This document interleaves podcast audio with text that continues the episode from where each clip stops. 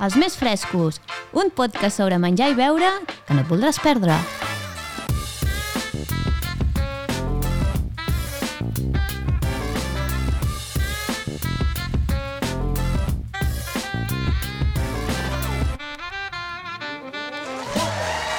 Benvinguts als Més Frescos, el primer podcast sobre menjar i beure gravat en una botiga. Sí, sí, una botiga, un programa totalment autoproduït per narrabins i el bocamoll. Atenció, avui tindrem un convidat que puja el nivell del programa estrepitosament. La cosa es posa interessant. I és que tenim entre nosaltres Josep Socarrats, fundador i director de la revista Arrels, però també és exdirector de la revista Cuina, col·laborador de Sapiens, Descobrir Catalunya, Time Out Barcelona, Diari Ara, Regió 7, Catalunya Ràdio, Com Ràdio, TV3, BTV i un llarg etc. Vertigen. Però abans, deixeu-nos saludar el Xavi, el meu company d'aventures, i l'Anna, que sempre ens posa mica d'ordre. Xavi, que comenci el show. Que comenci. Què tal, com estàs? Molt bé, i tu? Com va això? Bé. dissabte Quin ja. restaurant, quin restaurant has anat avui? Mira, te'n recomano justament un que vaig anar aquesta A veure, setmana a dinar, aquest dia que era festa, a l'1,99, un sushi de Barcelona. Molt bé. Vam fer el menú gastronòmic. No, no havies parlat mai de sushi? No, precisament. Eh, M'ha deixat molt bones sensacions i realment puc dir que és dels llocs que, que més he gaudit, eh? Sí? Sí, sí, sí. Què vas- Cuina japonesa, vam fer un menú de maridatge i amb la degustació, maridatge de vins i estrepitosament excel·lent. I els vins a, Excel·lent. amb el sushi, què? Quins... Mira, ens, ens vam atrevir a fer bastantes... Bueno, xorrades no, però vam poder demanar bastanta selecció que em va sortir la que em va venir de gust. Quan vau començar el dinar? Com vam començar el dinar? Quan, quan, quan? Quan? No, aquest va ser bastant d'allò, una i mitja. Una i mitja? Una i mitja. Ens aixecàvem a les sis i mitja de la taula. De fet, érem els únics, eh, que quedàvem al restaurant. tio. Ets un gamberro, sí, sí, sí. sí, sí. I vam acabar amb un tokaji, també. Una miqueta... Uh, Sí, sí, vam donar una miqueta la volta al món. Molt bé, carai, molt bé. Tokaji és de...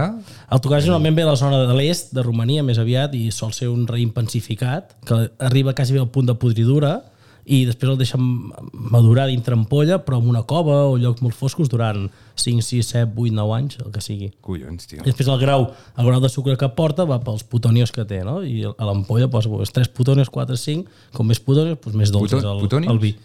Sí, sí, putònios. Putònios? No? Putònios. Està. Ens haurem de, posar, ens haurem de canviar el nom, eh? Els més Els putònios. més putònics.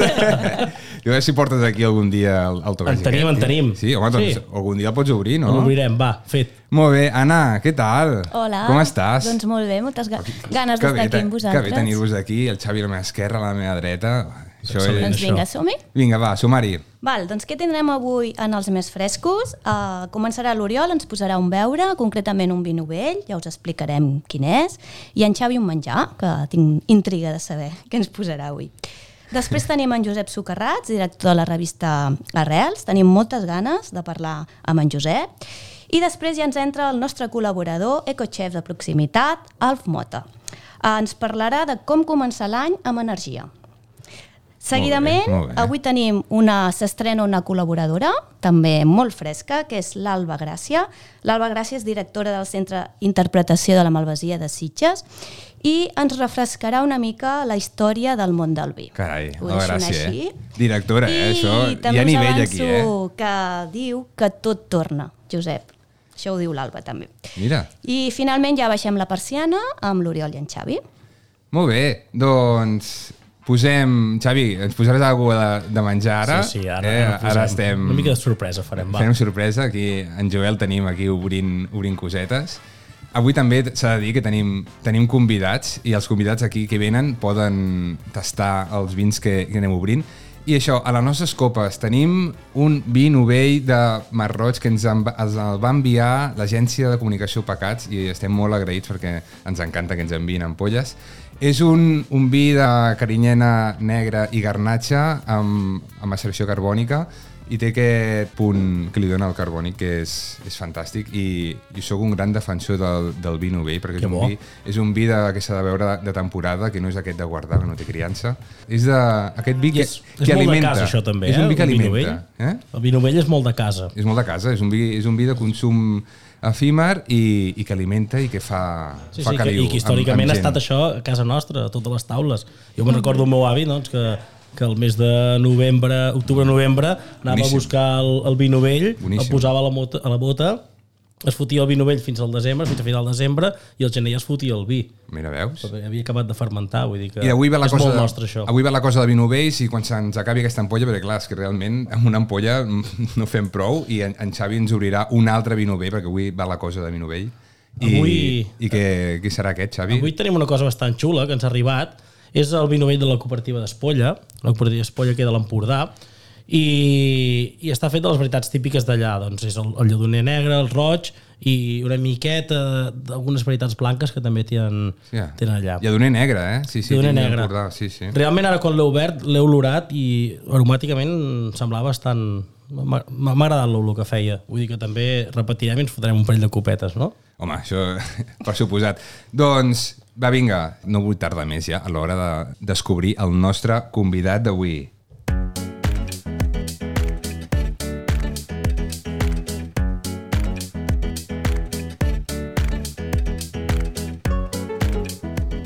Senyor Josep Socarrats, un honor tenir-te aquí amb nosaltres, eh? Benvingut. Gràcies, i si ja comenceu dient-me senyor, doncs ja, ja, ja anem bé. Ja anem bé? Home, a mi sempre m'han explicat que respecte abans de tot, després ja el, ja el perdrem, el respecte. Molt bé. que, ho has trobat bé, el Montseny? El Montseny l'he trobat bé. Sí, Sí, sí, sí. sí. Ja, ja, Sup- ja, ja havia estat, aquest poble. Suposo que t'has pentinat ja bastants restaurants de, de la zona, no? O què? Tens controlada clar, aquesta de- zona a nivell gastronòmic? Jo, jo crec que m'hauria d'actualitzar. M'hauria d'actualitzar perquè eh, encara que no vulguis la, hi, ha, hi ha cicles no? Eh, llavors eh, en un determinat moment eh, el Montseny amb tot el que es va desplegar al voltant de, que, que fa uns anys que és tancat no? de, de, de Can Faves Sí. eh, i, i, i de Oh. tot el que eh, el Santi va ser ambaixador de, de la gastronomia de la zona està molt, molt al cas no?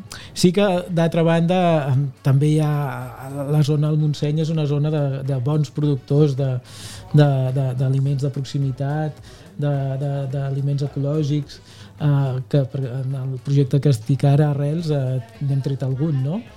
llavors és eh, eh, eh, és un punt important de la gastronomia a Catalunya, això és veritat. Ara, que hi he de tornar a actualitzar-me, sí, perquè no havia estat en aquesta botiga i he vist que està molt bé. Home, sí, la botiga és, és fantàstica i el- i l'espai aquest que tenim, que ens deixa el Xavi per, per gravar el podcast, I- ens, ens encanta. I es diu el bocamoll i llavors això ja crea Sí. una afinitat. Sí, el, el, nom, el nom sembla que és més de, de nom del propietari, eh? Que, que, Sí, tal qual. Que no t'agrada parlar, quasi, qual. eh, Xavi? No va ser difícil triar-ho, eh? El nom del bocamoll. Vull dir, Això t'ho té deien, molta, no? Té molta relació amb moltes coses. Molt bé, uh, doncs, Josep, a veure, per qui no conegui el teu projecte ara, que és el més que t'ocupa, que és la revista Arrels, explica'ns breument una mica què és aquest projecte. Mira, Arrels és una revista que parla del, del món rural des d'una òptica contemporània. Llavors, és dir, eh, parlem d'alimentació, parlem de societat, parlem de cultura, parlem d'economia, eh, parlem d'art. Eh, el que passa que és que vam veure la necessitat de, i, i per exemple aquí en la zona on, on estem avui d'aquí al Baix Montseny seria un d'aquests entorns on que eh, a vegades es parla de la ruralitat des, des d'un punt de vista molt tòpic eh, a vegades per caricaturesc, a vegades per eh, dramatisme, a vegades, bueno, per, per, eh, sense sortir de parlar sempre el mateix i sense parar-nos a reflexionar. Però si estan passant moltes coses, si, si hi ha gent, o sigui, abans semblava que el món rural si estava aquí qui no podia estar a un altre lloc i ara resulta que hi ha gent que s'hi queda perquè és el lloc on vol ser hi ha gent que deixa la ciutat perquè és el lloc on veu que es pot desenvolupar i és un entorn al món rural on neixen molts projectes molt interessants i penso que mm, amb els reptes que li esperen al món els propers anys eh, s'han de tenir bastant en compte les coses que passen al món rural. És el món, el món que torna, no?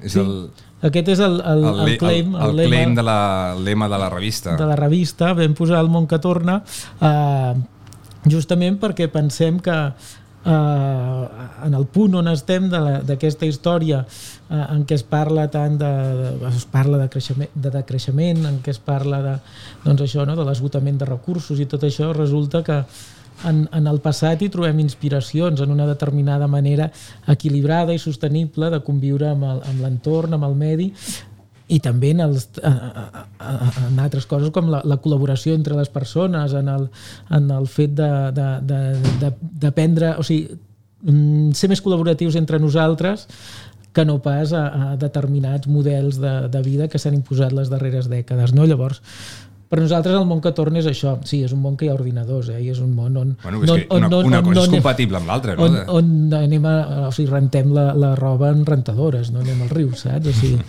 que, que no ens confonguem, no? Però, però sí que hi ha un, uns valors de, i uns estils de vida que, que creiem que són importants ara mateix i, i aquests són els del món que torna. Molt bé, doncs ara coneixem una mica més arrels, però ara, els, per qui no conegui la, la teva figura de Josep Socarrats, eh, explica'ns una mica, posa'ns una mica, perquè jo vaig estar uh, espiant una mica per internet l'altre dia, i, i has fet de tot, i fa una mica de fa una mica de vertigen Perquè i tot. ja tinc una edat, llavors, quan tens Explica'ns, una... explica'ns una mica que... qui ets i què fas, perquè fas moltes coses. Sí, ara bàsicament sóc, sóc el director d'aquest projecte, d'Arrels, que és un projecte de, de transmèdia, és a dir, que a part de, de la revista, que és el nostre book insígnia i que ens l'estimem molt i que, que crec que, que, que és molt bonica i que, i que n'estem molt orgullosos, que és una revista trimestral, doncs tenim una web on creem continguts audiovisuals, on creem podcast també, una mica per trobar formats nous per explicar el món rural d'una altra manera, que és el que estàvem dient, no? Mm i, i bueno, també tenim molts contactes amb, amb productors de proximitat i hi ha un, un compromís i, i, i una directiu, directriu clara del nostre projecte d'apostar i donar suport a tots aquests eh, productors de proximitat de, de, de Catalunya perquè el necessiten i perquè nosaltres els necessitem amb ells no? i a vegades aquestes dues necessitats no coincideixen i ens trobem amb absurds de que no funcionen coses que, que haurien de funcionar, que és que els pagesos guanyin la vida, no? Llavors, eh, ara estic amb això, m'estic enrotllant molt, eh? No, no, no està bé, està bé. Però, vull, Però vull saber a... alguna cosa més personal teva. De, per exemple, oh. vens de, de família amb celler, tens una estreta relació amb el món del vi. Sí, sí, sí, sí això és cert. O sigui, jo sóc mm, net, bueno, o, o besnet, net, fill eh, i germà de pagesos Eh? Uh, som d'Abrera. Abrera no és el Montseny, és una altra muntanya, és sí, Montserrat. Sí, sí. I, I de fet és l'últim poble uh, de la Déu Penedès, per la banda nord. Val? Llavors la, la meva família doncs, té unes vinyes de, que són les que els meus besavis eren masovers, el, llavors les van comprar i ara en aquests moments és bàsicament el meu germà amb el meu pare els que les porten i des de fa ja una trentena d'anys fem, fem un vi que es fa, només, es fa en aquell celler i es ven en aquell celler i, i que és un vi artesà tradicional. Home, vull dir, portat. No, l'hagués pogut portar. Això el tastàvem. Portar, haguéssim provat. Sí, sí. Els hagués portat el vin blanc, que és, que és un, un vi que, que, que, que jo estic molt content que vagin decidir recuperar-lo, que, és, que és un vi dolç que es fa amb el most, reduït a la meitat, això s'ha de fer en el moment en què, uh -huh. en mhm. què eh, es trepitja el raïm i per tant el, del mos que en surt una part la, la, la, la retirem, uh mhm. -huh. la posem a bullir en una olla d'aram fins que quedi a la meitat i això quan tu poses a bullir això concentra els sucres, per tant tens un, un vi dolç. I aquest, i aquest... El Xavi està desfent. Xavi s'està sí, sí, sí. desfent, el Xavi. Sí, sí, Saps? som aquest, molt fan dels vins dolços. Aquest, aquest era el vi dolç de, eh, que es bevia al nostre poble, Abrera. O sigui, Abrera, com tants pobles d'allà, eh, fins als anys 50 eh, pràcticament cada casa era un celler petit i, i cada casa es feia el seu vi pel gasto, vi que anaven a vendre amb els corredors de, de vins, que eren els, els comerciants no? que compraven aquests cellers petits, els hi compraven una bota, dues, el que, el que interessés, i després es feien uns vins dolços que, què té el, el vin blanc? Doncs que com que el vin blanc no li has d'afegir alcohol com a les misteles, els moscatells uh -huh. i l'alcohol l'esperit de vi sempre és car, el vi dolç, el, el, el, el vin blanc el podia fer tothom i podia tenir un vi dolç que sí, perds la meitat del most però no has d'afegir diners per res i llavors sí que la manera de menjar-lo era la barreja, de beure'l, vaja, de consumir-lo. Era la barreja, que era una copeta amb el vin blanc, una mica d'anís i llavors hi sucaves un carquinyol. Eh? Carai, ja, ja ho tot fet. Ja, carquinyolis no n'has posat mai, Xavi, aquí de menjar, entens? No. No, no, no, no en tenim però crec que alguns el podria portar. Home, estaria bé, eh? Hem de buscar algú que ens els porti. Sí, sí, el que podríem fer és que tornés en Josep ah. ens porti el El vi, vin blanc. en I- Xavi els Quinyolis calzones. i ja està, i no- una I trobada. nosaltres a menjar. Ja. Posem data fer. ja. Posem data, va. Va, D'aquí un any, eh? A veure, les coses del menjar i el beure tenen, tenen aquesta virtut, no? que, que tard o d'hora propicien aquestes trobades i que sempre que hi ha bon vi i bona teca pel mig, Sí, sí. Ja, la festa ja està feta. I sempre, no estàs, més. I sempre estàs menjant i bevent i estàs posant data per, per una altra, per una altra trobada, dia. eh? Això és, això és típic, eh? Sí, sí. Molt bé, doncs uh, tenies abans el projecte de cuina. Eres el, el director. Sí, o... I, va, i vas, fer el camp, uh, vas fer el canvi just després de la pandèmia i vas començar aquest nou projecte Mira, durant... Sí, la cosa... Uh, a veure, a, a vegades la gent em diu com és que et vas dedicar al periodisme gastronòmic? Bé, jo no, no, no anava encarat o conscientment a, a, Però has estudiat a- periodisme. Jo vaig estudiar comunicació audiovisual, val? llavors vaig començar, al final vaig, la carrera, la, la trajectòria professional em va portar a fer de periodista, bàsicament de paper i no audiovisual, que és el que vaig, el que vaig estudiar, però bueno, les coses van així, a més ara tot està més barrejat. Eh? I, i llavors eh, vaig acabar dedicant-me bastant a, a periodisme de, de viatges, bàsicament al Descobrir Catalunya, però havia fet coses també per Viajes National Geographic, havia escrit guies de viatges i coses així, i de fet és un món on connecta bastant eh, amb, amb la gastronomia, el món del viatge. I amb la gastronomia també vaig desenvolupar un altre contacte per una altra banda. Primer, ser fill de pagesos ja és un contacte amb la gastronomia perquè saps d'on, mm -hmm. o sigui, vius directament a, a, al lloc on es produeixen els aliments, en el, en el cas de la meva família el vi, però vaja, que hi ha molt coneixement acumulat dels avis, dels pares, de, de, de, de com es menjava, com es menja, i un cer una certa educació natural del gust que, que he pogut tenir sense, sense haver-la uh, haver hagut de, de desenvolupar de gran, no? I, i des, això per una banda després vaig estar treballant dos anys i mig així a Unió de Pagesos. Això també em va situar molt en l'entorn de, de, de, de la producció agroalimentària a Catalunya de saber què fem i on es fa i qui ho fa i per què es fa. Això, i llavors per tot això vaig començar a col·laborar amb la revista Cuina. Al final eh, la revista Cuina que havia nascut el 2001 doncs al final jo m'hi vaig incorporar el 2006 i, i havia d'estar un any o una cosa curta i vaig estar pràcticament 15 anys. Déu-n'hi-do. Déu Sí, sí. És que de tot. I llavors va venir entremig la...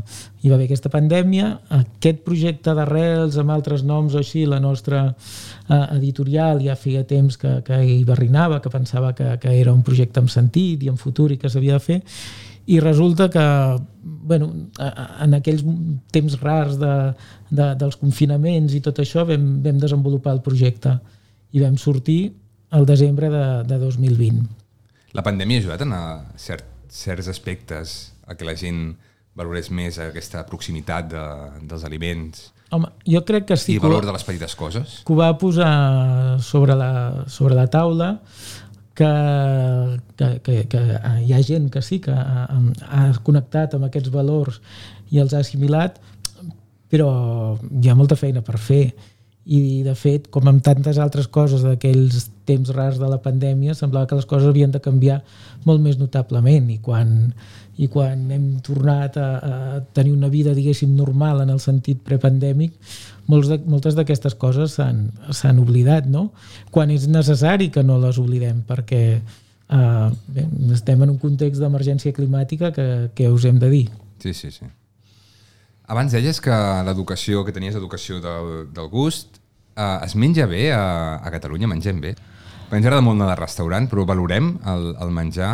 Uh, jo penso que uh, que déu nhi o sigui, pots menjar molt malament, és cert, eh? vull dir, no, no, no ens enganyem ni, ni, ni siguem autocomplents i, i de fet uh, si viatges una mica pel món o si viatges pel món que, que, que ens és proper diguéssim Europa, diguéssim Mediterrània segurament hi ha llocs on tots tenim al cap que és molt fàcil en qualsevol cantonada menjar bé i potser no és exactament el que passa aquí però en canvi aquí uh, sí que tenim una generació de joves cuiners, per exemple, i cuineres que estan fent que han recuperat també aquests valors que estem dient del món que torna i els incorporen a una cuina que no és la cuina necessàriament tradicional 100%, però que veu d'aquestes fonts i això és una, una, una cuina molt interessant, no?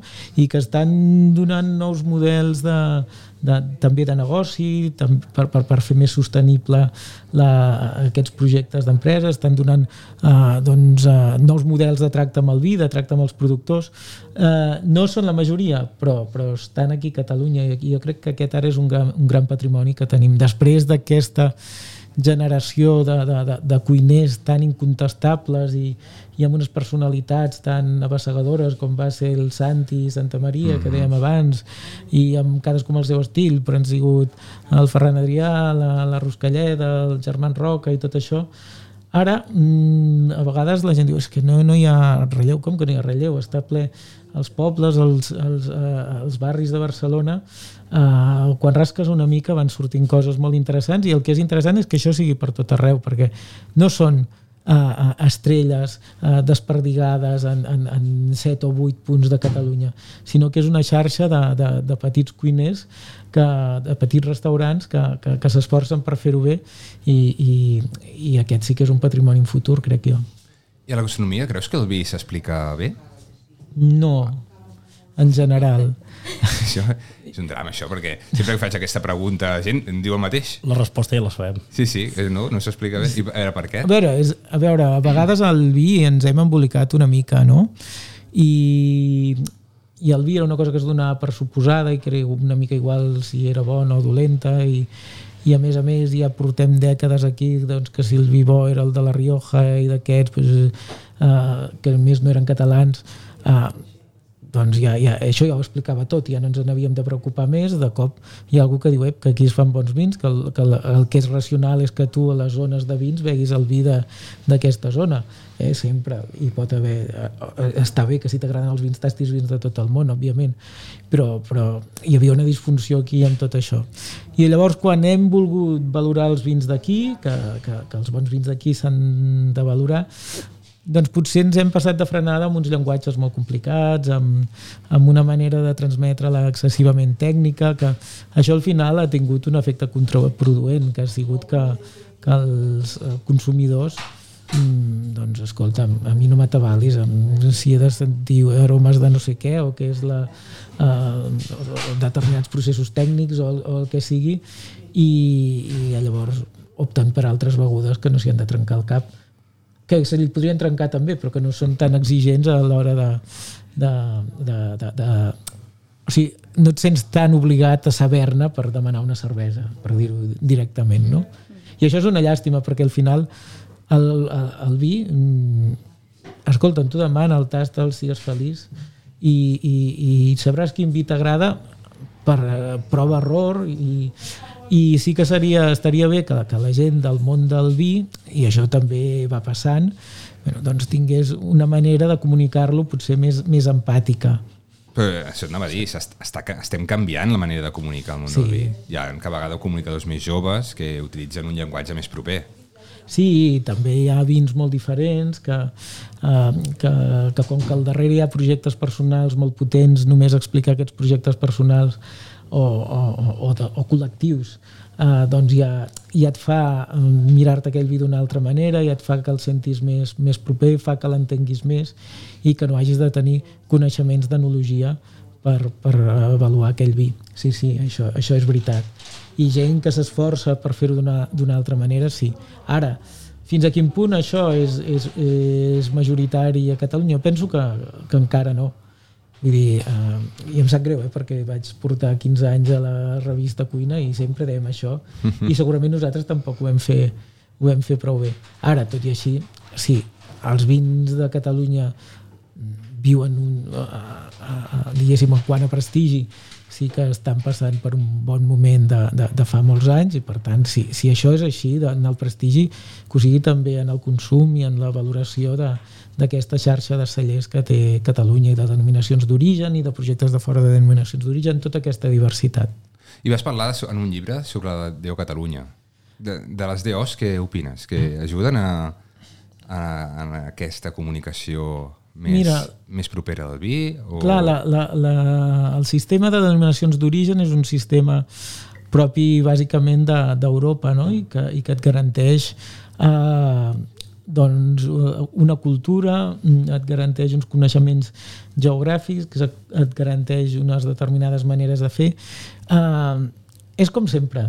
Això té coses bones, que, que, que són aquestes que estic dient, coses dolentes, que si és un entorn tan normativitzat, a vegades eh, tot el que sigui evolució, trencar una mica, replantejar el que s'ha fet sempre eh, i que, per exemple, ara amb el canvi climàtic eh, que, que dèiem abans, doncs, doncs estem en un moment que això s'ha de fer, doncs allà va molt més lent va molt més lent, però mm, això és com amb els diccionaris, no? Els diccionaris els necessitem, sí, uh, però l'Institut d'Estudis Catalans, quan uh, uh, incorpora una paraula uh, definitivament al diccionari, normalment uh, ja fa 20 anys que, que, que, que és d'ús comú entre, entre la gent, no? Doncs una mica eh, eh, això és el que passa amb les denominacions d'origen, no? que quan incorporen el canvi ja està, ja, ja porta molts anys eh, consolidat en, en petits cellers o així.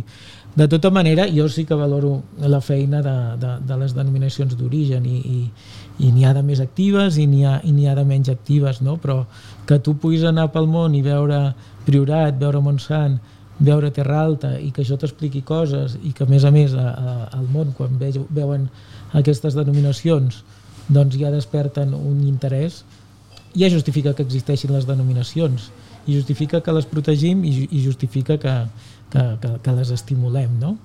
A- amb totes aquestes dificultats que hi ha doncs, que, que són entitats administratives i això sempre va una mica més lent que Ja. la vida real Ja. Molt bé, doncs Xavi, com ho veus, tio?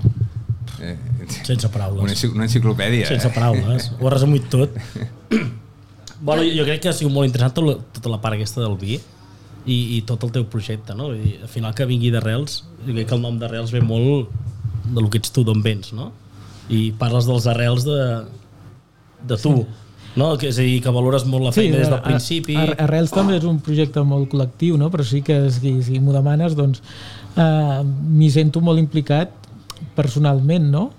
Perquè, Es- es perquè nota, eh? vinc, vinc d'on vinc, perquè al final sóc fill d'una família pagesa que, que és pràcticament l'última d'aquell poble, d'Abrera, no? Eh, és una zona on, on l'economia és la SEAT i totes les empreses que se'n deriven i, i, i, i, el, i el món agrari pràcticament es va perdre, per tant ole pel meu, pels meus avis que ho van passar els meus pares, ole pels meu, pel meu pare bàsicament que va aguantar el tipus i ole encara més pel, pel meu germà que és bastant una heroïcitat avui ser pagès. Mira, l'altre dia Uh, això aquesta setmana el meu pare va, va portar a casa un, un sarment d'una vinya. I m'ho va explicar i li vaig dir o sigui, aquest sarment explica uh, uh, uh, l'anyada d'aquest any com ha sigut de pèssima i per què ha passat. Perquè aquell, aquell sarment tenia rastres de sequera rastres de uh, senglars que l'havia mossegat rastres de la pedregada que hi va haver l'agost. O sigui, tota una sèrie de, de, de, de, de, de dificultats que ha travessat aquest any la, la vinya en aquella zona i, ostres, que tu vulguis ser allà, que tu t'estimis aquest patrimoni, que entenguis que aquest patrimoni té un valor pel, pel municipi on és, per l'entorn on és i aguantis el tipus, o sigui, és molt important. El que hauríem de pensar, no només per les vinyes de casa meva, sinó per tot el camp català, que, que aquest patrimoni no, no, no es perdi i, i perquè és necessari i, per tant, actuar per, per, per donar suport a aquesta gent que no han de ser herois, que han de poder viure del que fan. Totalment d'acord. Anna, alguna pregunta? Tens... Et veig, Bueno, bueno, et sí. veig apuntant molt. Bueno, és que... Va, Uh, Tenim- Li faria moltes preguntes, però sí que et volia preguntar, Josep, uh, com pot col·laborar la gent amb la revista Arrels? o sigui, la Doncs, gent, nos, com Mira, nosaltres, del carrer... si, en, si entreu a... O sigui, la millor manera, i és així, és que que vosaltres ho, eh, us hi subscriviu, no? que la gent s'hi subscrigui, més que res perquè amb aquest projecte col·lectiu, clar, és una subscripció d'una revista, sí, però és una revista que a, a, amb, la, a, amb la gent que hi participa podem fer altres projectes a, a, més enllà de, del paper per donar suport a aquest entorn. No? Tot aquesta, aquests mitjans transmèdia que us deia responen a això. Hem fet també la Festa Arrels amb productors de proximitat eh, que va tenir lloc el, el 19 de, de novembre a les Drassanes de Barcelona. Per tant, que era una manera de dir arrels portem la gent del camp, la portem al mig de la ciutat perquè la gent de la ciutat veieu qui us dona de menjar i com treballen. No? Llavors, a partir d'associar-te a la nostra revista fas possible que es puguin fer tots aquests, eh, que hi puguin haver totes aquestes accions. Quan dius transmèdia, a què, a què et refereixes exactament? Pels Doncs- oients, que Sí, sí, que jo ho parlo així com molt. Sí. Igual que deia abans del vi, que, que fem servir paraules que no calen, ara les he fet servir jo per la meva feina. No, o sigui, és això que, que, que tenim un web, que tenim uns podcasts, que tenim... Que no només és una revista en vídeos, paper. Que no, és només, no només és una revista en paper. Transcendeix a totes les Que quan penses canals. arrels has de pensar en tota la globalitat. És cert que nosaltres venim d'una editorial de revistes en paper, crec que és el que sabem fer millor i justament amb Arrels hem volgut fer la millor revista que, que, que podríem fer Està molt bé, eh? i, Està molt bé. i, i per tant és el nostre buc insígnia, no? però al darrere d'aquest buc insígnia hi ha moltes més coses, que són aquest transmèdia que hem dit que ha quedat així estrany.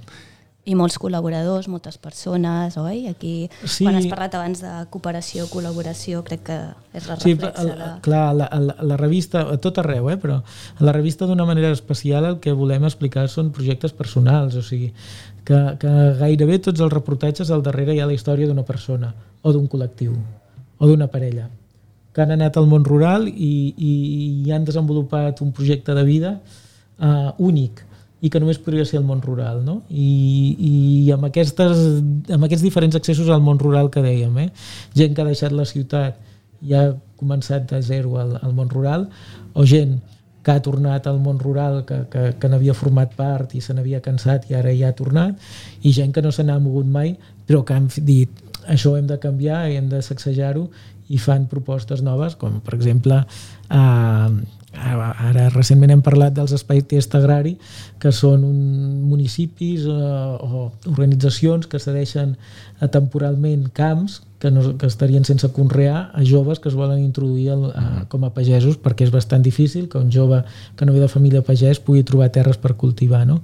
i ara és un sistema innovador que, que, que s'està desenvolupant a tot l'Estat i a Catalunya concretament d'una manera eh, bastant convençuda i bé, aquestes històries ens agrada explicar-les. Qui hi ha al darrere d'aquí? Per què ho fa? Qui se'n beneficia? Sí, sí, sí. Molt bé. Fan molt bona feina. Molt bona feina. Perquè quan coneixes és quan llavors estimes les coses. Val? Sí, llavors, sí, sí. El saber que quin projecte hi ha darrere aquesta persona, la història, llavors farà que tots valorem molt més el producte. Molt bé, doncs... Moltes gràcies, Josep. No, vosaltres? M'espera, encara no el despedim, Ah, eh? Un momentet, un momentet. No, jo, jo em quedo l'estona que vulgueu. Home, sí, sí, i tant. Uh, ara en Xavi ens farà una petita, una petita secció que té preparada, eh, que s'ho ha preparat, i després hi entrarà l'Alfmota i ens parlarà una mica de, ell de, del menj, d'aquest menjar energètic d'hivern. Eh? Xavi, va, tot Aviam, teu. jo tinc un seguit de preguntes ràpides, vale? Has de, jo et preguntaré i tu m'has de contestar ah. ràpid. Vinga, Aviam, uh, pel que estic veient, tu t'enamores més de la persona que del producte o del projecte que del producte? bé, és que el producte respon a la persona i això és així. Si no estem fent només indústria, Perfecte. La següent. Acabes un dinar amb bombolles o amb vi dolç? amb vi dolç. Abans de començar el dinar, fas vermut, cervesa, cava, escumós, Vermut. vi natural o vi Però, tradicional? perdona, per al vermut t'agrada molt, oi? Que... Vaig escriure Bueno. amb en Sergi Martín i el, i el Miquel Àngel Baquer, que malauradament ja no, ja no és aquí, uh, doncs vam escriure Teoria i Pràctica del Vermut, sí, sí. Vam publicar el, dos, tot, tio, sí, clar. més. el no sé què més 2015 al preguntar-li, eh? 2016. Quants anys tens, tio? 47. Imagina't, mare meva. No, ha tingut carrera així. Hòstia. Aviam, la següent. Vi natural o tradicional? Quina pregunta, eh? És que jo És m'estimo és molt... trapell. Jo m'es- m'estimo molt els vins tradicionals que, que últimament no han estat gaire de moda, però és clar, amb els vins naturals ens han donat una sacsejada eh, interessant, saps? però és que jo quan tasto un vi clàssic, rodó, ben fet, m'enamoro molt. És- És que amb 47 anys et deus començar a tornar conservador. Però llavors em donen una altra vi d'aquells que m'electritza i dic, hosti, que bé. Pues una altra pregunta, Oriol. Va. Tu quan quedes amb amics per menjar, dines o sopes? Jo prefereixo sopar, però és que ara, després de la, de, de, de la pandèmia... Pot dinar o sopar també, eh? És que Ho pot fer tot seguit, el eh? Xavi, el Xavi el que fa és quedar per dinar i després acaba sopant, també. Ja, sí, no, aquestes, Que- coses, aquestes coses passen, no? Però a mi m'agrada, jo sóc en realitat bastant nocturn, però és que ara, després de la pandèmia, la gent queda per sopar a les 8 i no sé, què és això? Europa? Hòstia. No, també ho entenc, estic dient això i... És, i, és, No, no, i, i, a, les 8 es fa el, la copeta, el, pre, el prepartit es no, fa. però, bueno, també hem de pensar en, el, en, la, en la vida de, de la gent de la restauració que se'ns n'havia anat molt la, la, la flapa i, i això d'acabar mm, o sigui, jo recordo he acabat excepcionalment, eh, per algun sopar a les dues de la matinada o així però bueno, això no, no, no- no seria lo natural no seria lo natural soc, sopo bastant tard sempre eh? Bueno, una, una, vegada a la setmana. Vull dir, quan, quan, quan no, passa sopo de res. restaurants, no? Vull dir, però ara quedar per sopar un restaurant és quedar dos quarts de nou. Parlant de restaurants, has anat alguna vegada a un restaurant top, top i, I, i un fracàs? Punxada. quan he anat a un restaurant tot top, no crec que hagi... No, no, no tinc sensació d'haver tingut un fracàs, però a vegades estic pensant no és el que més eh, m'interessa. No t'ha sorprès gens, O m'ha sorprès... negativament. en el sentit de dir mm, val, aquí a, a, a, anem a sorprendre però això no tira més enllà d'aquí un cop surts d'aquí que, que en queda això sí que, que, que, que m'ho he trobat I també, has anat alguna vegada a algun restaurant i li has dit al sommelier que aquell vi estava bo i el vi era una castanya? Collons. va, t'hauré de dir que segurament ha passat alguna vegada perquè dius, bueno, va, no ens complicarem la vida però també hem fet canviar vins quan hi ha tap què hi vols fer? No, no, Ah, l'has de tornar, l'has de tornar. Això s'ha de dir, hi ha vegades que, que per, per educació, per... No, no tens ganes d'entrar en conflictes, no, no dius res, però... s'ha- Sort, sort que dir, tinc, tinc, algú, tinc alguns amics que van més a la directa I, I mira el seu acom- acompanyant d'avui. culpables que- aquí, eh? amic. Molt bé, Xavi, alguna, alguna coseta més? No? Doncs vinga, va, fem entrar al nostre col·laborador, Alf Mota, que anem, anem tardíssim avui, eh?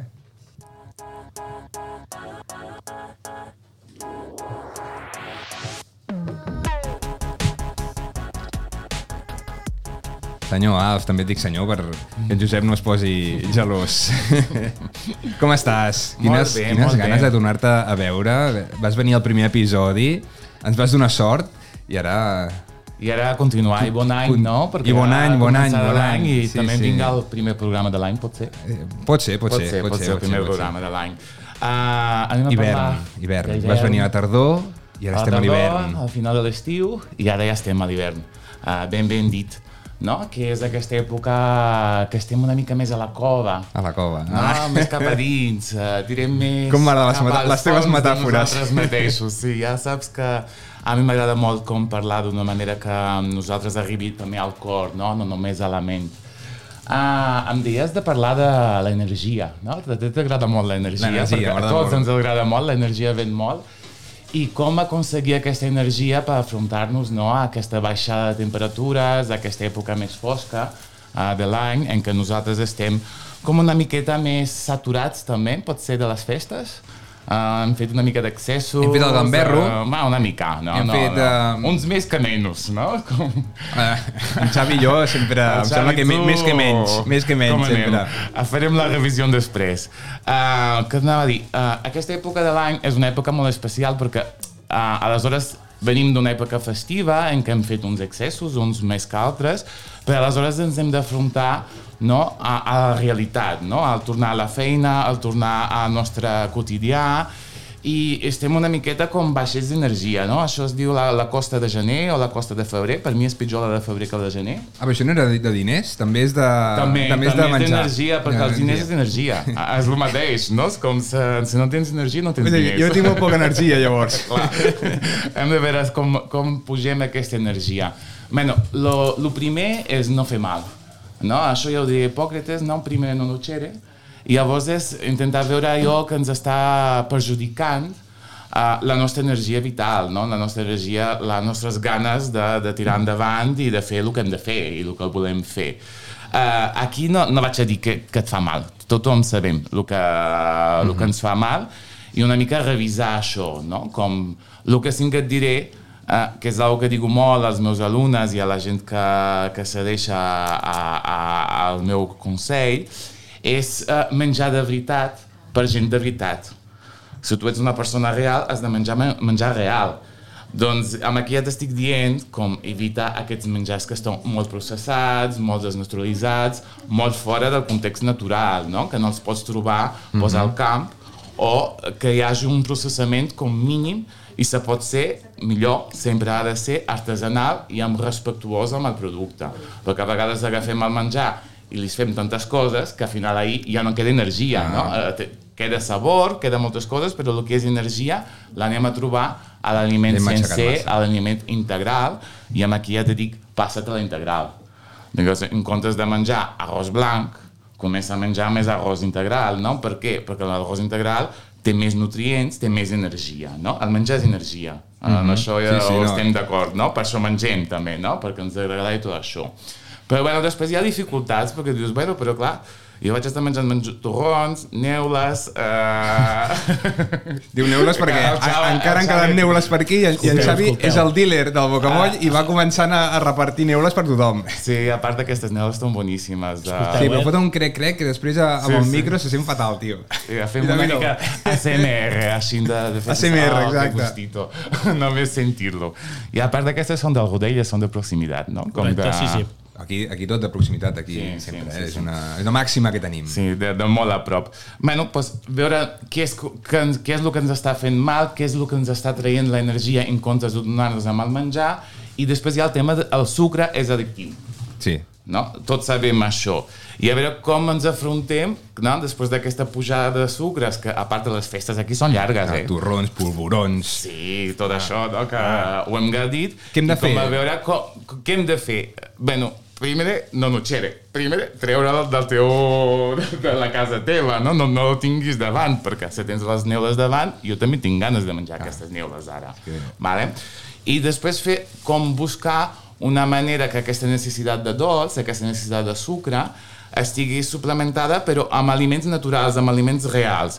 I doncs comencem a fer a, aquest menjar que s'ha fet tradicionalment a l'hivern, que són les sopes, les cremes, eh, els estofats, els guissats, no? que són d'aquests aliments que, que d'alguna manera concentren l'energia amb la calor, perquè la calor és energia. El fred és la mancança d'energia. Per això quan estem a l'hivern estem a la cova perquè tenim poca d'energia, val? Doncs comencem a donar calor amb aliments reals. A la tardor, Sopes, a la tardor deies vapor i a l'hivern potser ja no és vapor, ara és més, ja més xup-xup, no? Hem més de concentrar més l'energia, més cap a dins, més, Més cap, cap a la dins, cova, cap a la vale? cova. Una mica de foc, Xavi, cap a la també, cova. La, la, No, cap a cova. impossible. No, no, el Xavi, impossible. Escudell, estofats, això sí, eh? Sí, una escudella, un estofat, un plat de cullera amb les llegums. Les llegums són una font de proteïna genial, molt completa, com per exemple podem parlar d'uns cigrons. Els cigrons tenen totes les proteïnes que el cos necessita. Uh, igual o superior a la carn o, o altre aliment com l'ou, que veig que hi ha un ou per aquí, també. Sí, Per exemple, no? De quan són Salsa nostres, Sorba. No? O unes mongetes, les mongetes del ganxet, que són de proximitat, o, o altres grans que anem a buscar, i a part les llegums regulen aquest disparat de sucre que tenim a la sang, ah. perquè són riques en fibres, i ens van ajudar a regular aquesta sensació també, aquesta necessitat, aquesta addicció que podem tenir de cara al gener en relació al dolç. Vale? Després també uh, hem d'incorporar, bueno, jo aconsello incorporar alguns rituals, algunes rutines de benestar i de... És com carregar el mòbil, val? Has de buscar moments al, en el teu dia a dia que et connecta amb la teva energia més essencial, no? Com que, que et carregues de- d'energia, no? I el menjar ens pot ajudar amb això, no? Perquè el sentit del menjar tal qual és agafar energia per poder eh, actuar. Bueno, aquesta rutina pot ser pel matí quan t'aixeques, prens una aigua tèbia amb llimona i gingebre, per exemple, no? o un té verd, o una infusió. Clar, no comencis amb el cafè. A mi m'encanta el cafè, eh? I, i m'he d'anar molt en compte perquè puc prendre quatre cafès al dia. Llavors dic, bueno, no em puc deixar el cafè del tot perquè si no, no, no, no m'aixeco i no puc fer Però clar, res. si deixessis el sucre i el cafè de quatre, cop- Començo amb dos. Una setmana prenc dos, no? El del matí i el de després Però abans de una dinar. mica de- d'infusió, una mica de Clar, llimona... Però que no sigui el primer. Ja. El que, que, que vas a prendre pel matí, el teu cafè, doncs, agafa't algo que t'agradi, que és molt important també que ens fem algo que ens agrada, si t'agrada el té verd, doncs el té verd, una infusió, una aigua amb llimona, etc. També després hi ha moments que són molt rituals i són molt, molt teus, que és el moment després de sopar. Això que estàs al sofà mirant la Ui, sèrie... això és perillós, eh? Això és molt perillós, és perillós. perquè és la galeteta, és la neula, Jo és ara- la, a la miqueta de torró que va sobrar... Jo ara, ara soc un... O sentint podcast com fa el Xavi. Jo ara estic, estic obsessionat amb els, amb els fruits secs i m'amorro els fruits secs i això és molt dolent, no? Suposo. la No, nit. no, els fruits secs són genials. De Però si te'n fots un quilo, parlar- potser no. Anava a parlar dels fruits secs una miqueta més després. Vale? Tu ja t'has avançat. No, però jo estic parlant aquest moment en què tu realment no has de menjar res més. Ja. Perquè, per què? Perquè vas a la, a la cama, vas a dormir, vas a relaxar-te, no necessites energia. Tot l'excés, eh, al final, eh, fa l'efecte contrari, no? Et treu l'energia. Pues aquí també incorpora algun ritual, alguna rutina, no? Perquè hi ha aquests bitxet, no? Que dic, no, no, estàs ahí com relaxat i Ah, vols estàs amb, el amb el Netflix i... Sí, pots, pots, pots, pots prendre una infusió, pots prendre un brou, pots prendre una, una beguda calenta, algo que doni aquesta sensació de confort, però que aleshores no estàs ingerint calories que no les vas a gastar, que no, no, que no les necessites, ¿vale? I em pots posar mel a, la, a les infusions o pots també és un excés de calories? Jo, jo a mi per la mel, eh, per la nit no te la recomano. No. Perquè el, el, el, el, el mel és un aliment molt energètic. De fet, és un aliment que s'ha utilitzat tradicionalment com medicinal, no? Quan estem així baixets, quan estem amb gripes, amb constipats, etc. La mel va fantàstica perquè et puja el to energètic. Clar, per la nit, si vols dormir, al igual la mel no és una bona recomanació, igual prendre més com per al dia. Però bueno, això també varia molt de persona a persona. Clar, hi ha gent que es pren cafè per la nit i dorm. Jo prenc un cafè per la nit i estic fins a les 6 de la matinada sense poder dormir. Clar, depèn de cadascú.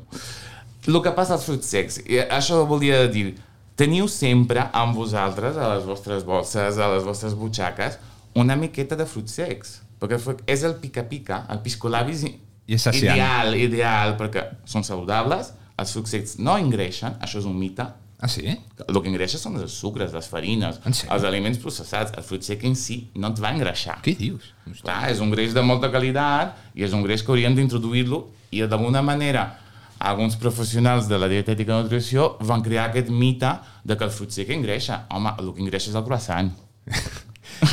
no, I, I moltes vegades la gent... Tu diu la gent que s'està fotent un croissant i diu, uh, però és que els fruits secs engreixen Ah, molt. I s'està fotent un croissant, I el eh? plàtan i les llegums. I, I després estàs parlem de, pizzas. parlem de fruits secs, però hi ha molts tipus de fruits secs. Quin és el fruit sec uh, millor? Els nostres. Els de proximitat. Les anous, les avellanes, les ametlles. Sí, anous del El que Brasil, tenim no, a la eh? nostra vora, com sempre. El millor sempre és el que tens a, més Clar. a prop. No? Perquè se- s'escreix en aquest entorn i tu vius en aquest entorn, estàs creant una harmonia amb el teu entorn. No? Se mengen d'això i a part, com parlava el Josep, aquest tema que hem de tenir molt en compte avui en dia, que és el tema de l'emergència climàtica, no?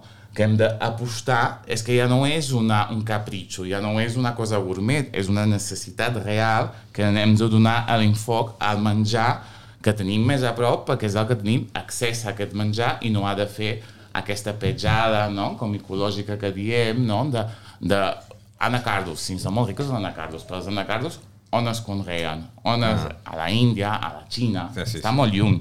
Tenim amelles, tenim avellanes, tenim, uh, uh, també tenim les pipes, no? La, les pipes de carbassa, les pipes de girassol. I això jo recomano tenir-lo sempre amb tu per aquests moments que tens gana o que tens ansietat pel menjar, perquè a vegades no és gana real, és ansietat pel menjar, que ve també molt relacionat amb el que vas menjar abans i els teus hàbits alimentaris, doncs tens aquests, aquests, aquesta bolseta de fruits secs que et va salvar la vida, Et va- va... va salvar i no vas anar a la pastisseria i agafar un croissant i a part que com està de promoció uh, dos croissants per un euro, no? que és el que trobes a les pastisseries avui Fatal. dia, que és, que és terrible. Dic, jo vull un, no vull dos, però clar, els dos són més barats. T'obliguen, t'obliguen. Vale. Després, bueno, el tema dels sopars, també, que parlàvem a, a Josep, també Josep. parlava del sopar, i sí, a tots ens agrada molt... Uh, Com ho veus tu, això, Josep? Dels sopars? De, no, de, dels fruits secs que comenta. No, no clar, eh, eh, això estic absolutament d'acord amb ell. I és, i és, eh, primer, és que els fruits secs són saníssims, és, a més a més és un aliment no processat que fa les funcions que moltes vegades derivem a, aliments processats, carregats de sucres i així, cosa que no, que no, ho, té, no ho tenen els fruits secs, i, i, i- important també que, que, que s'ha referit a la, a, al meu comentari de, del canvi climàtic, de l'emergència climàtica, doncs això de, de, de, de consumir de proximitat, per això, perquè ha dit ell, perquè hi ha menys petjada de, de, de, cli, eh, menys petjada de, de, de, de CO2 si, si ho anem a buscar al costat de casa i després també perquè el nostre entorn, el nostre medi sigui equilibrat i escolta, el, el que pots menjar fresc de, de, de l'entorn agrari sempre és millor que el que t'arriba embolicat amb 40 bosses de plàstic. Totalment. Exacte.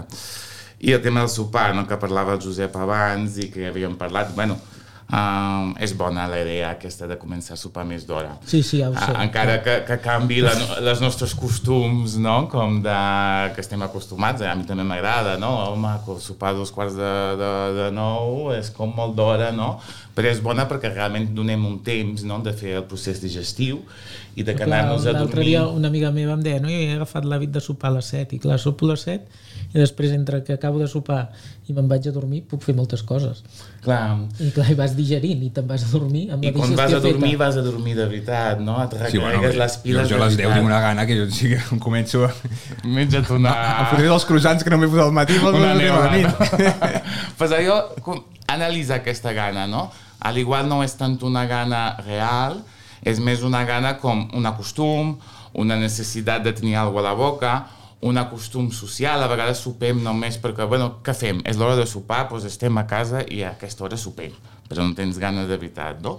I, i intenta buscar alguna que és el que digue, no? Doncs te fas aquest sopar a casa, no? A l'hivern, pots fer, pots, pots fer un sopar com més lleuger, no? Anar cap a la sopa, jo continuo no? amb, amb el tema, no? Les hortalisses, no? Com de donar més èmfasis a això, perquè és realment el que necessitem més. I a l'hivern, uh, quin, quines hortalisses creieu que hem de potenciar, que hem de donar-li més uh, Cols, èmfasis, no? cols, bledes Col, sí, clar. La tenim aquí davant. Les Sí. arrels. Ah. les arrels. On està l'energia a l'hivern? A, a sota terra, a sota terra. A sota terra, Veus? a les arrels. És allà on anem a trobar, no? Uh, tu ja saps que la, la meva filosofia amb el menjar es basa en l'observació de la natura, del que es basa al camp, no? Jo vaig ser professor de dietètica fa anys i sempre dia als futurs dietistes vosaltres no podeu fer dietes sense conèixer els ritmes de l'hort. Doncs les primeres classes anàvem a veure un hort i evidentment el carbassó surt a l'estiu, a l'hivern surt les arrels, no? És on, est- on anem a trobar l'energia, no? On està l'energia concentrada i ahir també anem a trobar, no? Parlem d'arrels, però també és molt important que fem una diversitat a la nostra taula, perquè aquesta també és una que hem de protegir. No? Se mengem sempre pastanaga i mm, patata, no? I poc més, doncs clar, la nostra dieta està molt poc diversificada i no estem apostant per aquesta biodiversitat. Anem a descobrir la xirivia, anem a descobrir el por, anem a descobrir la remolatxa, anem a descobrir eh, els naps. Els naps serve- serveixen per més que pel brou. Podem fer naps al vapor, podem fer un guisat i posar els naps, podem posar una crema. Eh, Podem, anem a fer també aquest joc que eh, a l'hora de cuinar nosaltres trobem una alegria, un plaer, que no sigui només un tràmit. Mm -hmm. Perquè això, eh, per mi, el ser humà no està dissenyat per estar avorrit. Que, eh, a partir del moment que estem avorrits... Això t'ho compro, eh? Sí, a partir del moment que estem Això- avorrits, busquem l'escletxa per sortir, no? O que sí? Com que busquem l'esquetxa per sortir. Doncs amb aquest plantejament saludable, amb aquest plantejament que ens està fent bé, amb aquest plantejament de consciència uh, del que ens posem a la boca i el que portem a la nostra taula, doncs anem a buscar també, ah, a veure què puc fer amb la xirivia, no? És com, ah, mira, puc fer unes chips, puc fer la, la xirivia en comptes de la patata, puc fer la xirivia una crema, eh? La xirivia, per exemple, és una de les verdures, per mi, eh, de les delices de- d'hivern, de les meves favorites, Fantàstic. perquè és deliciosa a nivell de sabor i tens molt de joc i pots estar més allà. Doncs anem a buscar, no? com, com sempre, no hem de poten només menjar a, arrels, però potenciem això perquè és això el que vam a trobar als camps. Després tenim la fulla verda, la fulla verda d'hivern, que ens va donar clorofila, que ens va donar oxigen, no? la clorofila és l'oxigen de les plantes, i això també et dona energia, no? et dona vitalitat. Uh, quines fulles verdes trobem al camp a l'hivern? Tornem a vegades, tenim cols, tenim bledes, tenim espinacs, uh, què més? Uh, bueno, no, tenim algun enciam, però ja no és tant com l'estiu, però sobretot tenim l'escarola, no? que és aquests enciams com més, uh, més concentrats. És que l'energia és més concentrada. A, a, si observem la natura, tot és més concentrada a la- a, a l'hivern. I llavors això... Sí La anem- forma, la forma també és important, sí, tot no? influeix. Eh, Tota la forma, on creix, o, a, a l'estació de l'any on està creixent, i, i la manera com el cuines també. Però clar, què hem de fer? Com hem d'aprofitar aquesta clorofila, aquest oxigen que ens està donant la fulla verda? A l'hivern dius, ostres, cru, hi ha dies que no em ven de gust. I hi ha persones que tenen fred. Aquí mateix, nosaltres som diversos, hi ha persones que tenen més calor i altres menys fred. I estem a la mateixa temperatura, no? I veig un noi aquí que està com una jaqueta posada i el Això és que Xavi li falta- li falta està vi a la copa. de ropa, no? Pues, Anna, posa-li Li bé a la copa que, que, que agafi temperatura. El... Vale, doncs anem a fer això, no? anem a buscar aquesta calor, aquesta concentració de l'energia a fora perquè ens ho doni cap a dins, no? I, i- i entendre que aquesta època de l'any és una època eh, en què nosaltres hem de potenciar la nostra creativitat, la gestació dels nous projectes, és l'època en què estàs generant, no? I això també s'alimenta, això també es nutreix. Nosaltres no només no, no nutrim només el físic, també hem de nutrir la nostra motivació, les nostres ganes, no?, de començar l'any 2023 amb energia, amb alegria, amb, eh, amb il·lusió. Sempre. Després aca- acabem com acabem, però començar-lo sempre amb il·lusió. Sí, amb sí, sí, energia. sempre. I amb energia, I amb amb energia. gana, no? Perquè pots tenir il·lusió però no tens la energia per portar a terme els teus projectes. I la fulla verda que m'estava oblidant, doncs també podem utilitzar-la amb mètodes de cocció que no són tan invasius, o sigui que mantenen més bé els seus nutrients i sobretot els seus micronutrients, com són les vitamines, els minerals, com pot ser a l'escaldat de fulles verdes. Una fulla de col escaldada ja no és crua, és més digestiva, et dona més calor, i després li pots posar una miqueta d'oli d'oliva verge extra, fantàstic, una picada de fruits secs i tens un plat per sopar Fantàstic. estupendo Fantàstic. i saludable i molt sabrós. Fantàstic. En Xavi fa estona que vol dir alguna cosa. Sí. Vinga, Xavi, Jo tinc un- il·lustra'ns. un parell de reflexions, ¿vale? Mm. Bueno, una és anècdota i l'altra reflexió. Uh, fem molt èmfasis, la majoria de vegades, de, de que hi ha desconeixement en món de la restauració sobre els vins. No? És un tema que ha sortit abans i n'hem parlat. A les cuines, els cuiners, saben tot això que estàs explicant? És a dir, aquest coneixement, perquè és a dir, a, a mi queda desequilibrat tot aquest coneixement a molts restaurants que pots anar que tot aquest coneixement no el tenen, no l'exploten, no l'aprofiten. O sigui, defensar producte de temporada, evidentment, i de proximitat, amb la gran majoria de restaurants que tenim al nostre país, crec que no en són... O sigui, no, no està contrarrestat, això. Saps què vull dir? És dir, falta un punt de- d'educació de, a nivell culinari, a nivell de cuina o, o els cuiners més aviat, aquest coneixement crec que falta. Hi ha una mica de mancança d'això. És una mica una petita... Sí, no, no. Una Sí, reflexió d'acord, que, que fem l'èmfasi molt molt pel, vi. pel gust i que sigui bo, però a vegades ens, ens quedem una mica coixos de l'energia, Correcte, no? I de, correcte. Que sigui més... Correcte. És una, és una dinàmica que està canviant, perquè uh, la manera com nosaltres... Jo sóc professor de cuina, uh, llavors uh, fa anys que estic treballant amb, amb joves, amb gent que està començant i cada vegada més l'enfoc va cap aquí. No només que el menjar sigui bo, inclús l'alta cuina, no? que el menjar sigui bo, que el menjar sigui agradable, però que també compleixi amb altres funcions, no? que és la funció de la salut, la funció de l'equilibri mediambiental, i cada vegada més els nous cuiners són molt conscients. Però aquí, clar, què passa? I algú va parlar de, de la història de la gastronomia, pot ser? O, o la història dels vins només? Que, que Història dels després- vins eh, ara a la pròxima secció. Anem acabant ja, Alf, perquè anem justíssim de temps. Dic només, eh, això depèn també de nosaltres, el consumidor.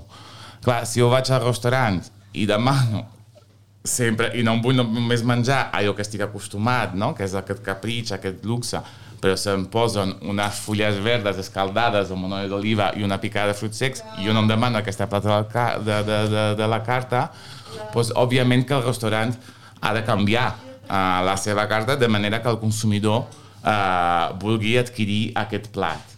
Doncs aquí també hi ha la part dels cuiners, hi ha la part dels restaurants, que té una part d'educació, però nosaltres com a consumidors també hem de demanar allò que nosaltres volem uh, nutrir-nos i potenciar aquest tipus de menjar. I després l'anècdota. La petita anècdota. No, és que estava parlant dels fruits secs, a mi m'agraden molt els fruits secs. I després de tots els accessos que vaig a la meva vida i anar menjant per allà, Després de etcètera, etcètera, Què dius ara? Bueno, no, res. Uh, no, jo després de menjar, sobretot després de dinar, menjo molt fruits secs, vale? i també una miqueta de suc de llimona. El músic. Limoncello. Vale? Vull dir que em sento una miqueta a part sí. que estic contribuint a fer alguna no? algun canvi. Bueno. una petita anècdota de, de que... Està bé que ho facis a, a dinar i no a primera hora del matí, el, el limoncello, com a No, no, no, després de dinar, després de dinar. Faig fruits secs amb una mica de limoncello, ja més suc de llimona Digestiu, també, digestiu, que va bé, i fruits secs també per d'allò, no? I tant. I a part està equilibrat, no? Perquè per una banda fas mal, però per l'altra banda fas Faig bé. bé. Miro de menjar més fruits secs que no beure limoncello, eh? això sí que, Això és important. una cosa superi l'altra. Bueno, ja veurem. Molt bé, doncs, Alf, és que estem sobrepassadíssims de temps. Alguna cosa Sempre. més? Una cosa No, més? de, de moment desitjar-vos com uh, un bon any i molt d'èxit pel programa Els Més Frescos, Home. que està triomfant, està triomfant d'això. Home, i que esperem que tornis, que ets el, ja ho saps que ets el Sempre, nostre sempre col·laborador de proximitat i estàs, tens el micro obert sempre. No vull marxar sense preguntar, sempre ho preguntem això al convidat, Josep, i en, en, Ai, ai, ai. et tinc aquí, un restaurant que recomanis que hagis anat fa poc, que d'un d'un preu mm, assumible per, per tothom i que t'hagi posat la pell de gallina. Bé, com que quan no sóc a Abrera, que és el meu poble, sóc a Sants, al barri de Barcelona, a la Bordeta hi ha el Tremendo, que és un restaurant que té dues eh, vessants. Per una banda és eh, una vermuteria a un preu... Em diuen, em diuen que molt bé, eh, per aquí el públic. Eh, Clar. I l'altra banda, eh, per altra banda, és un restaurant també, hi ha més eh, de, de, de, de forquilles, ganivet i, i tovalló de, de roba i tovalles, Uh, i, i, i la veritat és que respon a allò que us deia, no? aquesta gent que tenen un coneixement de la cuina del nostre país i que no és que la reprodueixin exactament, no? sinó que parteixen d'aquí i amb productes de proximitat i amb, i amb una idea cultural també de proximitat que me'l fa molt interessant. Sempre dic que, que si cada barri de Barcelona tingués un restaurant com el Tremendo, i afortunadament molts barris de Barcelona tenen restaurants d'aquest tipus, el nivell de, de, les, de, de, de la restauració de la ciutat seria, seria més interessant. Boníssim el nom, eh? M'agrada molt. I Tremendo. Has anat, Xavi? No, però el tenia a la llista, eh? Doncs, Me, me No l'havien me l'havien No has comentat, anat. Aquest. No, aquest no, aquest no. Milagro! doncs mira, ja Molt te n'he bé. descobert. Ja bueno, ho tenies a la llista. El no te tenia llista, no, no, sí, no, mare meva, si- ja, ja anirà la setmana que ve, no, no et preocupis. Molt bé, doncs, Josep, uh, moltes gràcies per venir. Gràcies un a honor. vosaltres. Alf, moltes gràcies. Tu tens Gràcies. algun restaurant que recomanis, que hagis anat últimament? Uh, últimament, mira, jo vaig anar l'altre dia al Virrens, On està? uh, està a Barcelona i a Gran Via amb Pau Clarís, per allà, és, un, és el restaurant de Rodrigo de la Calle, és un chef especialitzat en verdures, tu saps que m'agrada molt el Sí, tema de sí, verdures, sí. i ho vaig trobar estupendo. És mira. alta cuina amb verdures a un preu 50 És, euros. és vegetarià o és de... No, no, és- eh, eh, no és vegetarià, però la verdura d'hortalissa és la, protagonista. Molt bé. Uh, I és un, un restaurant que recomano a tothom perquè podeu tastar aquesta nova cuina, que no és nova, però bueno, no, eh, que, que aquest enfocament que ara estem fent des de tots els tipus de cuina, que és l'hortalissa com el, el principal protagonista, a part una, una cuina com uh, gastronòmica, com uh, diferent, no?, el que estem acostumats, i un preu que vaig trobar com molt assequible, 50 euros un sopar en un restaurant d'alta cuina, Doncs molt és bé. un regal. Doncs vinga, aquí queda apuntat. Molt bé, doncs moltes gràcies per venir i Gràcies. res, oh, tenim les portes obertes sempre que vulgueu. Gràcies per convidar-nos, eh? jo encantat. Eh? Molt bé, Alf. Josep, Gràcies. una abraçada. I ara tenim l'Alba Gari, que ens descobrirà una mica la història del món del vi. Ei, com esteu? Doncs vinga, us animo a que refresquem tots junts i juntes la, la història, val? perquè tot torna. Aquest 2022 els Premis del Vi Català estan de celebració. Els Binari han complert 10 anys, la Guia de Vins de Catalunya 15, però aquests reconeixements d'Ali cap al sector com, com una eina no? per posicionar els nostres vins en un lineal i arguments de venda, és un fenomen que ja existia a mitjans del segle XIX i sobretot dins del que són les exposicions universals, internacionals, nacionals, inclús regionals. Eren uns concursos que se celebraven en els pavellons agrícoles d'aquestes exposicions i es premiaven els vins amb una categorització superexhaustiva i amb unes medalles ben diferenciades al mèrit, a l'envelliment, a la perfecció. Anem primer a entendre que eren les exposicions universals, eren manifestacions públiques organitzades majoritàriament per una col·laboració público-privada d'una ciutat i l'objectiu era donar a conèixer productes agrícoles industrials, avanços científics, inclús novetats artístiques. Tot en un mateix aparador i en una mateixa fira. Era una espècie de melting pot que ara mateix ens faria explotar el cap. Durant tot el segle XIX van, a, van existir doncs, diferents ciutats anfitriones que van modificar la seva, eh, el seu urbanisme en el pretext d'aquestes celebracions, però el que ens interessa ara és entendre aquests concursos de vins. Anem a, per exemple, posar l'ull a Barcelona 1888, que és casa nostra, i per tant la participació de vins catalans va ser molt més alta, tot i que també hi havien fins a 22 països participants, i fins i tot Barcelona va rebre més de 2 milions de, de visitants l'any, que és una barbaritat. Doncs trobem, per exemple, que a Barcelona i Tarragona hi ha més de 200 expositors, Girona no tants, n'hi han 18, perquè el motor socioeconòmic doncs, era un altre, era la indústria surera, i Lleida, per exemple, trobem 60 expositors, però la majoria dels quals són oli, perquè la secció la classe 121, secció 8, classe 121, que eren els vins, també compartia categoria amb olis, amb altres begudes fermentades d'altres fruits, o alcohols destilats, alcohols industrials, licors, etc. Tenim diferents exemples que alguns ens poden sonar i altres doncs, és interessant comentar. Per exemple, l'expositor 6423, que es deia Francisco Folk, de Poboleda, eh, va presentar diverses classes de vins dels anys 1880-1860. Fixeu-vos ja com el factor collita era important. O després un altre expositor, 2614, Manuel Reventós de Sant Saturnino de Anoia, 24 botelles de vins escumosos. Aquí l'escumós ja començava a aparèixer com un vi de, de referència. Després tenim l'expositor 2409, que era el José Amei de la Muntanya, de Sitges, que va presentar 12 botelles de mistela de Malvasia.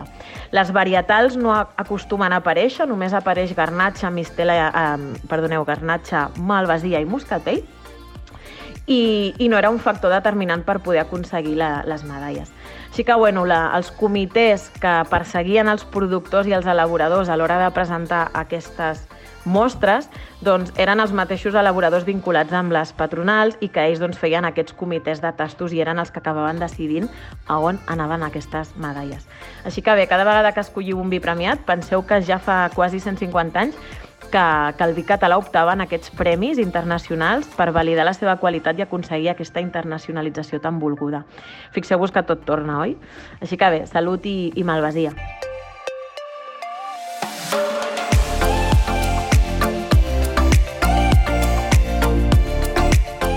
Molt bé, doncs l'Alba Gràcia, que tot torna, ens parla dels premis, una mica d'història. És la directora del Centre d'Interpretació del Malvasia de Sitges, eh? Un honor tenir-la, eh? Què dius? Com estàs? Tens, oh, tens avui a... he quedat... Has, has quedat perplex, eh, amb aquest, amb aquest convidat amb i aquests convidats, col·laboradors. col·laboradors i tot. Avui ha sigut impressionant, eh? Anna, com va? Ah, molt bé, he après moltíssim i m'ha agradat molt avui el programa, molt interessant i res, i i pensem que amb les arrels, que el, el Josep eh, m'ha fet pensar molt, i sense arrels res no brota. Mm? Llavors, que bonic, que bonic. Home, bona, home, bona home. manera d'acabar el programa. Home, que bonic. Carai, molt bé, Anna, molt bé. Doncs res, un programa més llarg de normal, però superinteressant. Baixem persiana. I fins un altre. Salut, amics. Salut i vins. I podcast.